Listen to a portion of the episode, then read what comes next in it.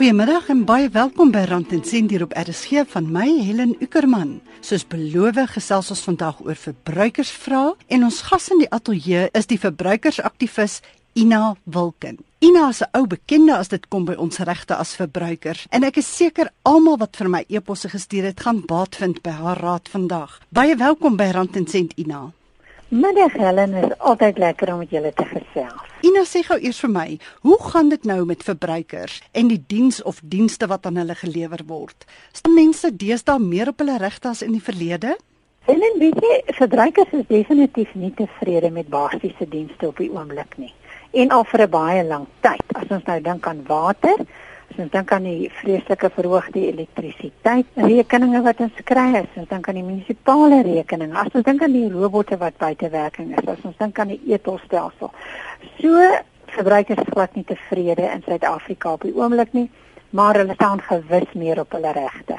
Ek meen as ons kyk na die media, as ons op TV kyk en as ons die koerante lees, as ons sien hoe mense besig is om in opstand te kom, hoop ek dat die regering luister en aandag gee aan die basiese behoeftes van verbruikers want ons moet onthou Helen dat die konstitusie van die land en die verbruikerswet sê verbruikers het 'n reg op basiese dienste en ons kry dit nie op die oomblik nie.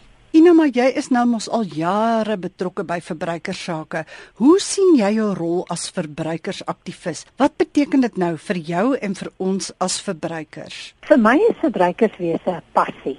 En ek dink enigiets wat vir mense passie is, raak 'n leefwyse. En dit is my regtig 'n voorreg om verbruikers in te lig oor hulle regte en vir hulle bedag te maak waarop hulle kan reken en om vir hulle die nodige leiding en opvoeding te gee waar dit ook al nodig is.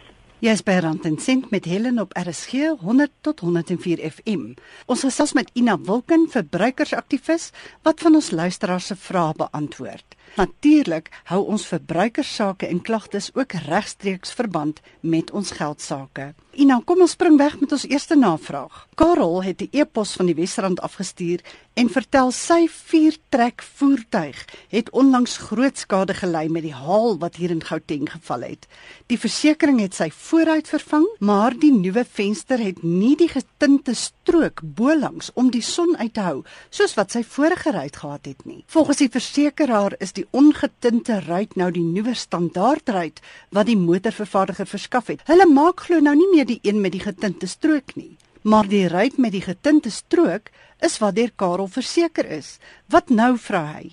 Wel, indien die nuwe ruit dieselfde voorbeelde aan Karel verskaf, is dit in orde. Maar dit is baie duidelik dat dit verskaf nie dieselfde voorbeelde nie, juis omdat daardie getinte strook die son gekeer het in die eerste plek en sekerlik is daardie strook ook daar meer esteties uh, mooier so hy het alle reg om aan te druk op 'n soortgelyke ruit.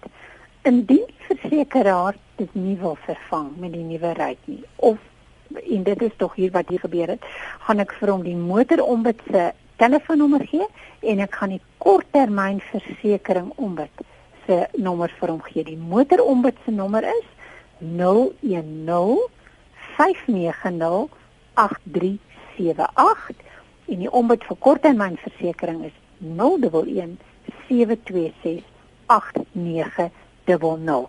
Ek wil vir Karel sê, gaan egter eers terug na sy versekeraar toe. Ek is seker hulle sal hom die regte ruit vervang. Al het hulle nou reeds die ander ruit ingesit. Al het hulle die ander ruit ingesit. Die feit bly staan, Helen, hy het betaal vir 'n produk. Sy versekerings betaal vir daardie produk. Hy het die motor so gekoop.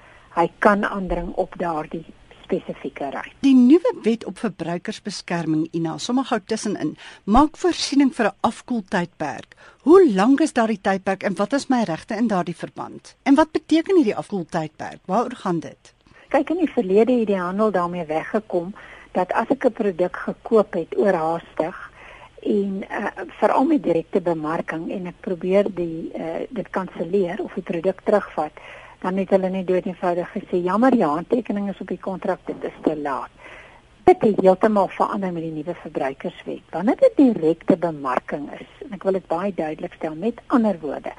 Die mense wat in verkoopsentrums sit, jy loop daar verby, hulle daar produkte wat hulle daar vir jou verkoop of hierdie vakansieaanbiedings, dis direkte bemarking.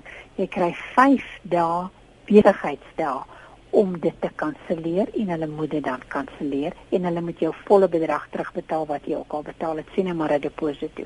So jy het 5 dae tyd daar. Dis direkte bemarking.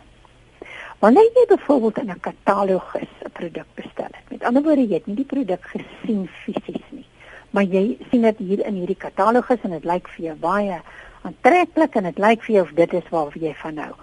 Die produk kom by jou aan en jy's nie tevrede nie en dit is nie wat jy wou gehad het nie, het jy 10 werkdae tyd om dit terug te stuur. Ek wil elke keer beklemtoon werkdae, nê. So naweke val nie in daar nie. Indien jy 'n produk koop en hy is nie geskik vir die bepaalde doel waarvoor dit gewoonlik gebruik word nie, het jy 6 maande om dit terug te neem. Dan moet dit of hy met die handelaar moet dit vervang met 'n produk wat jy wou gehad het, want 10 teen is dit 'n produk wat jy wou hê en hy het jou oortuig nie wat neem hierdie produk? Dit gaan dieselfde doen as wat jy wou gehad het en dit werk nie. Jy 6 maande tyd om dit terug te neem. Wanneer dit nie 'n goeie gehalte is nie of die werking is nie vry van gebreke nie ook 6 maande tyd. En hier is dit baie belangrik om te onthou vir die verbruikers. Sien nou daar gebeur binne hierdie 6 maande iets. En jy neem hierdie artikel terug of die produk terug en die handelaar sê vir jou goed, ek gaan dit vir jou herstel en jy is tevrede daarmee want jy wil graag die produk hê en hy herstel dit, kan jy binne 3 maande weer die produk terugneem indien dit nie dan ten volle werk nie. So 6 maande en 6 maande is 'n redelike tyd. En dien nie vir 'n redelike tyd verbruiker verbruikbaar of duursaam is nie. Weereens, jy gaan in 'n winkel, jy sien 'n produk, hy lyk vir jou duursaam, hy lyk of hy die ding kan doen en na 3 of 4 maande pak dit heeltemal op dan het jy al reg om dit terug te neem. Die kleinhandelaar kan natuurlik dan sê ek gaan nie jou geld vir jou teruggee nie.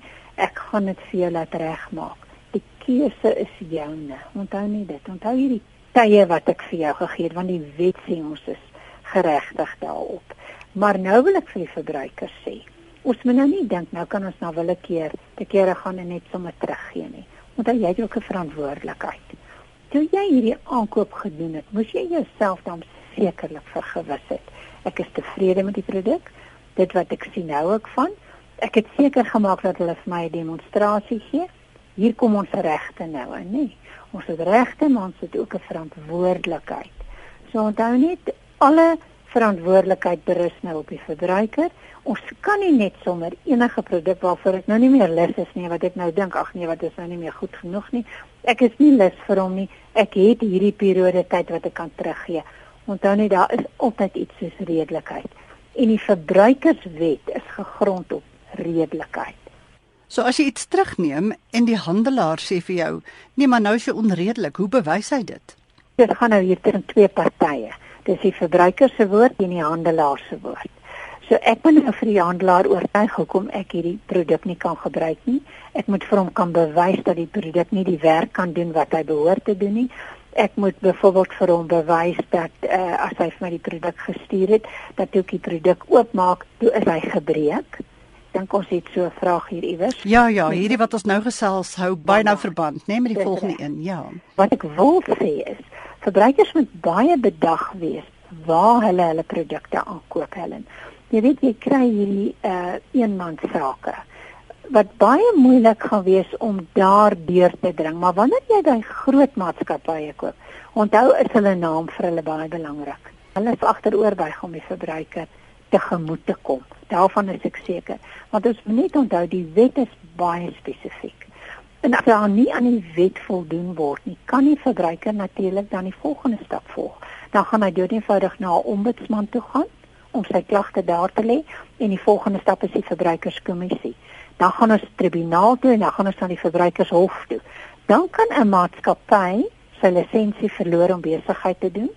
Hy kan tot en met 10 miljoen rand beboet word wat hy sekerlik nie wil hê nie.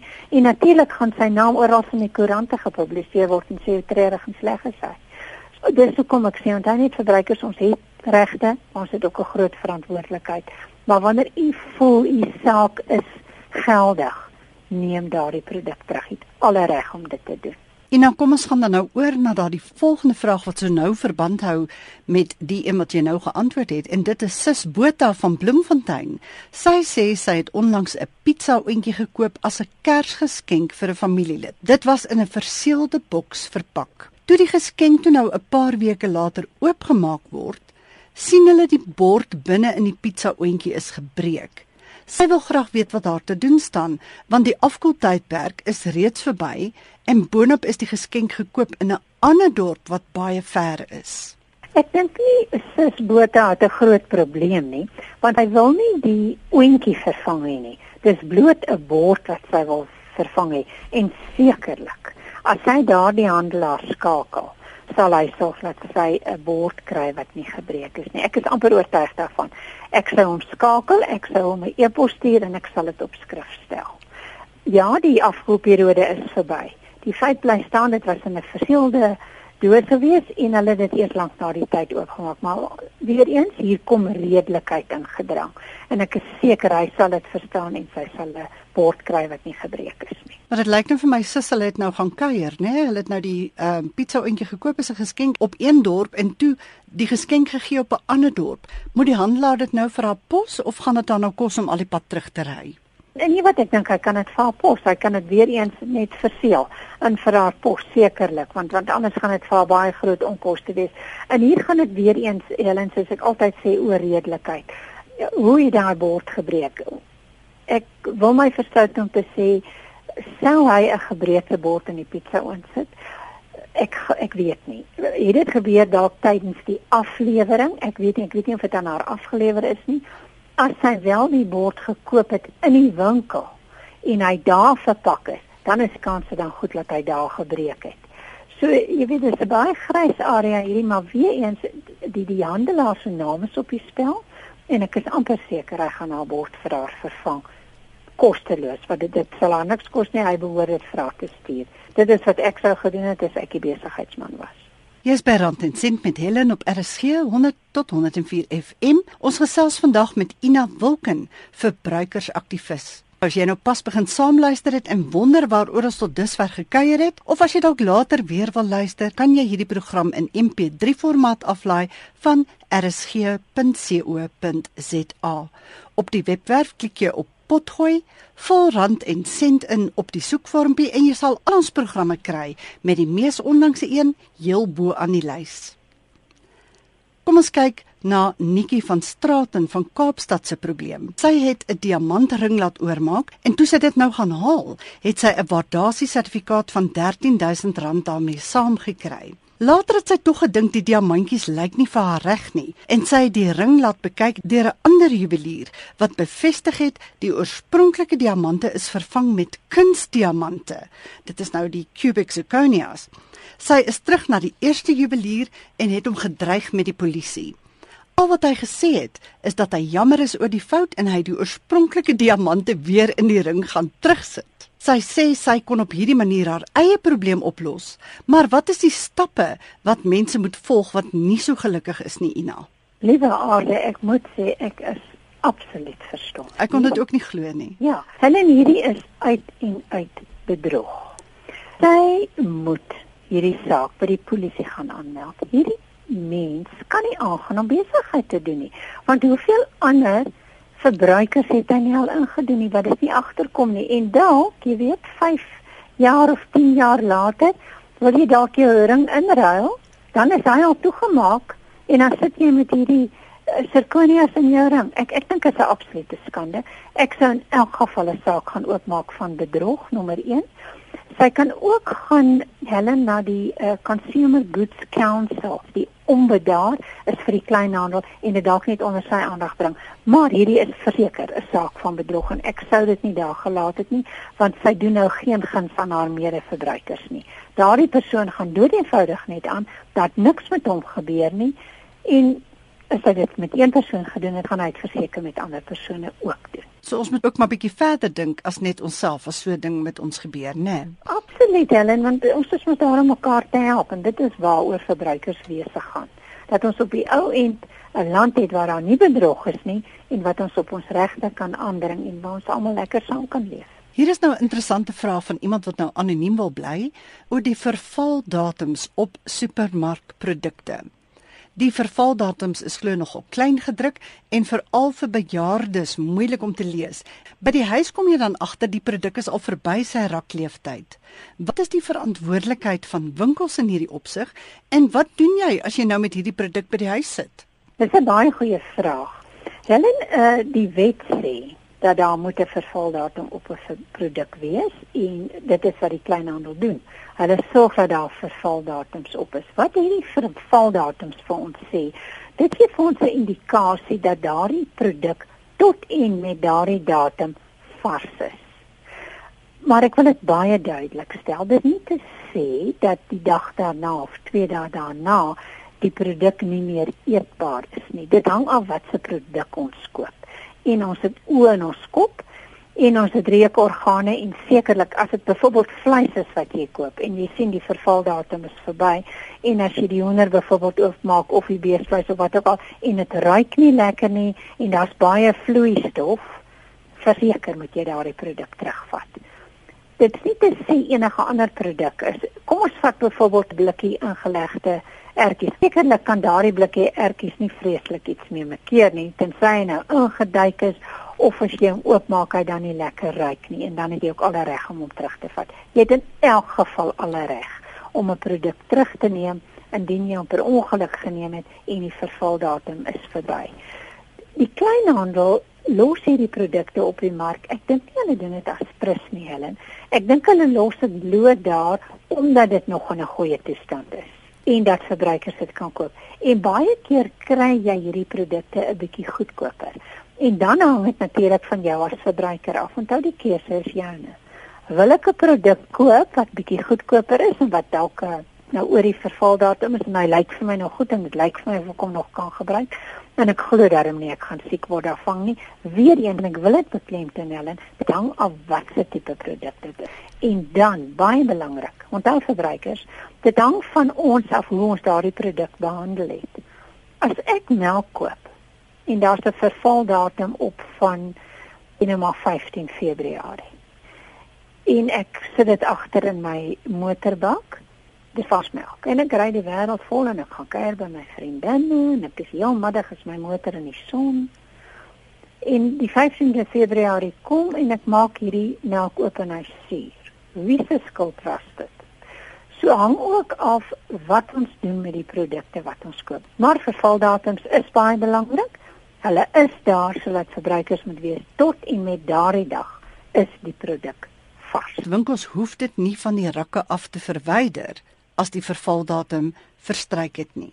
Nee, dit is daar's nie 'n verpligting. Die wet sê nie hulle moet dit verwyder nie die die die wet sê net daar moet 'n vervaldatum op wees. Maar as as ek 'n winkeleienaar is, sal ek dan dalk as ek sien dat hierdie produkte nou nog goed is, kan ek dit dalk net op 'n ander plek sit en goedkoper aanbied. Ek sou sê, Helen, daar is 'n probleem as hy hom dan nog vir dieselfde prys aanbied.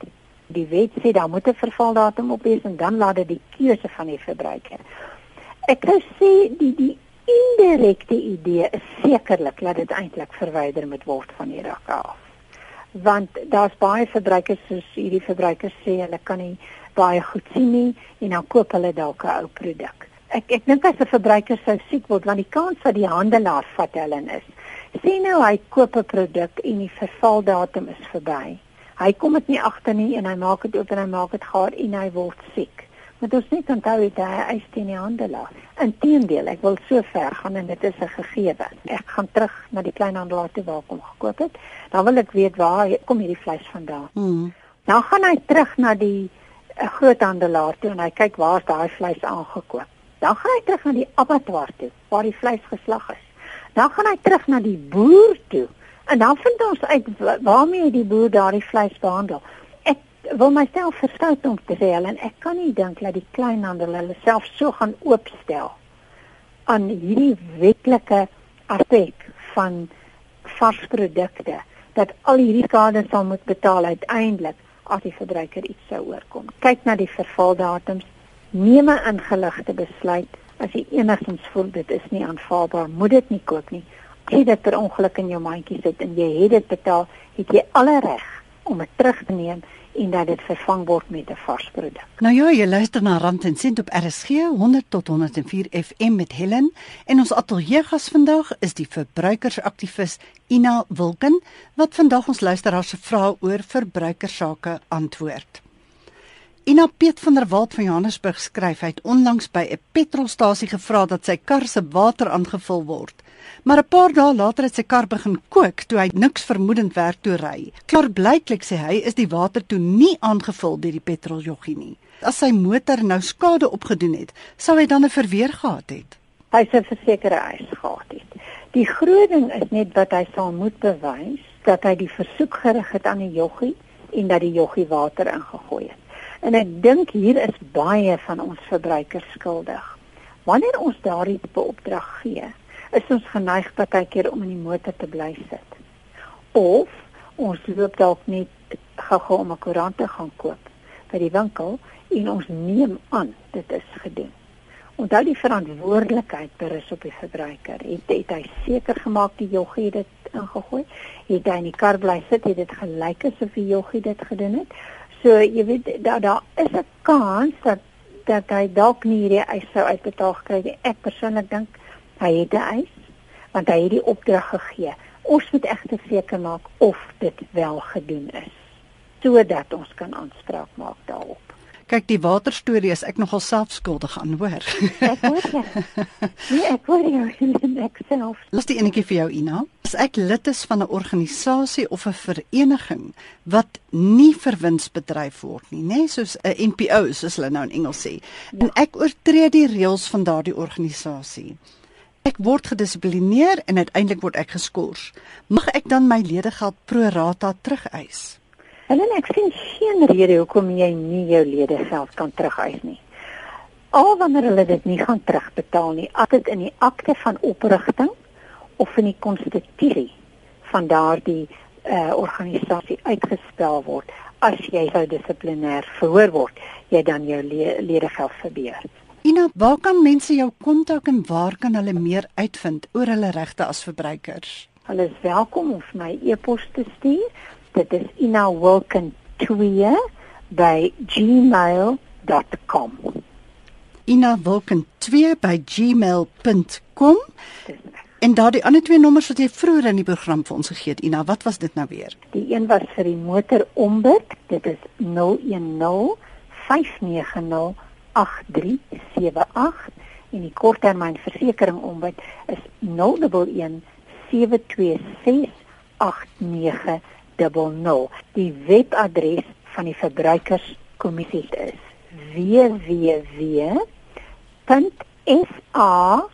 www.sacc.co.za. Nou kom ek herhaal gou-gou daardie webwerfadres www.sacc.co.za as jy verbruikersklagtes het. Helene kon net seker maak dis N en nie M nie, nie N vir Nelly. N vir Nelly. Ja, it's National Consumer Commission. Goed. Daar's Laastens die rand en sent kontak besonderhede. Jy kan my volg en vra stel oor jou geldsaake of kleinsaake onderneming op Twitter by @HelenUckerman of op Facebook by Rand en Sent Helen Uckerman. Jy kan ook e-pos stuur na helen.ueck@gmail.com. Dit is Helen wat groet. 'n Heerlike week vir julle almal en ons praat weer volgende Sondag om 04:30.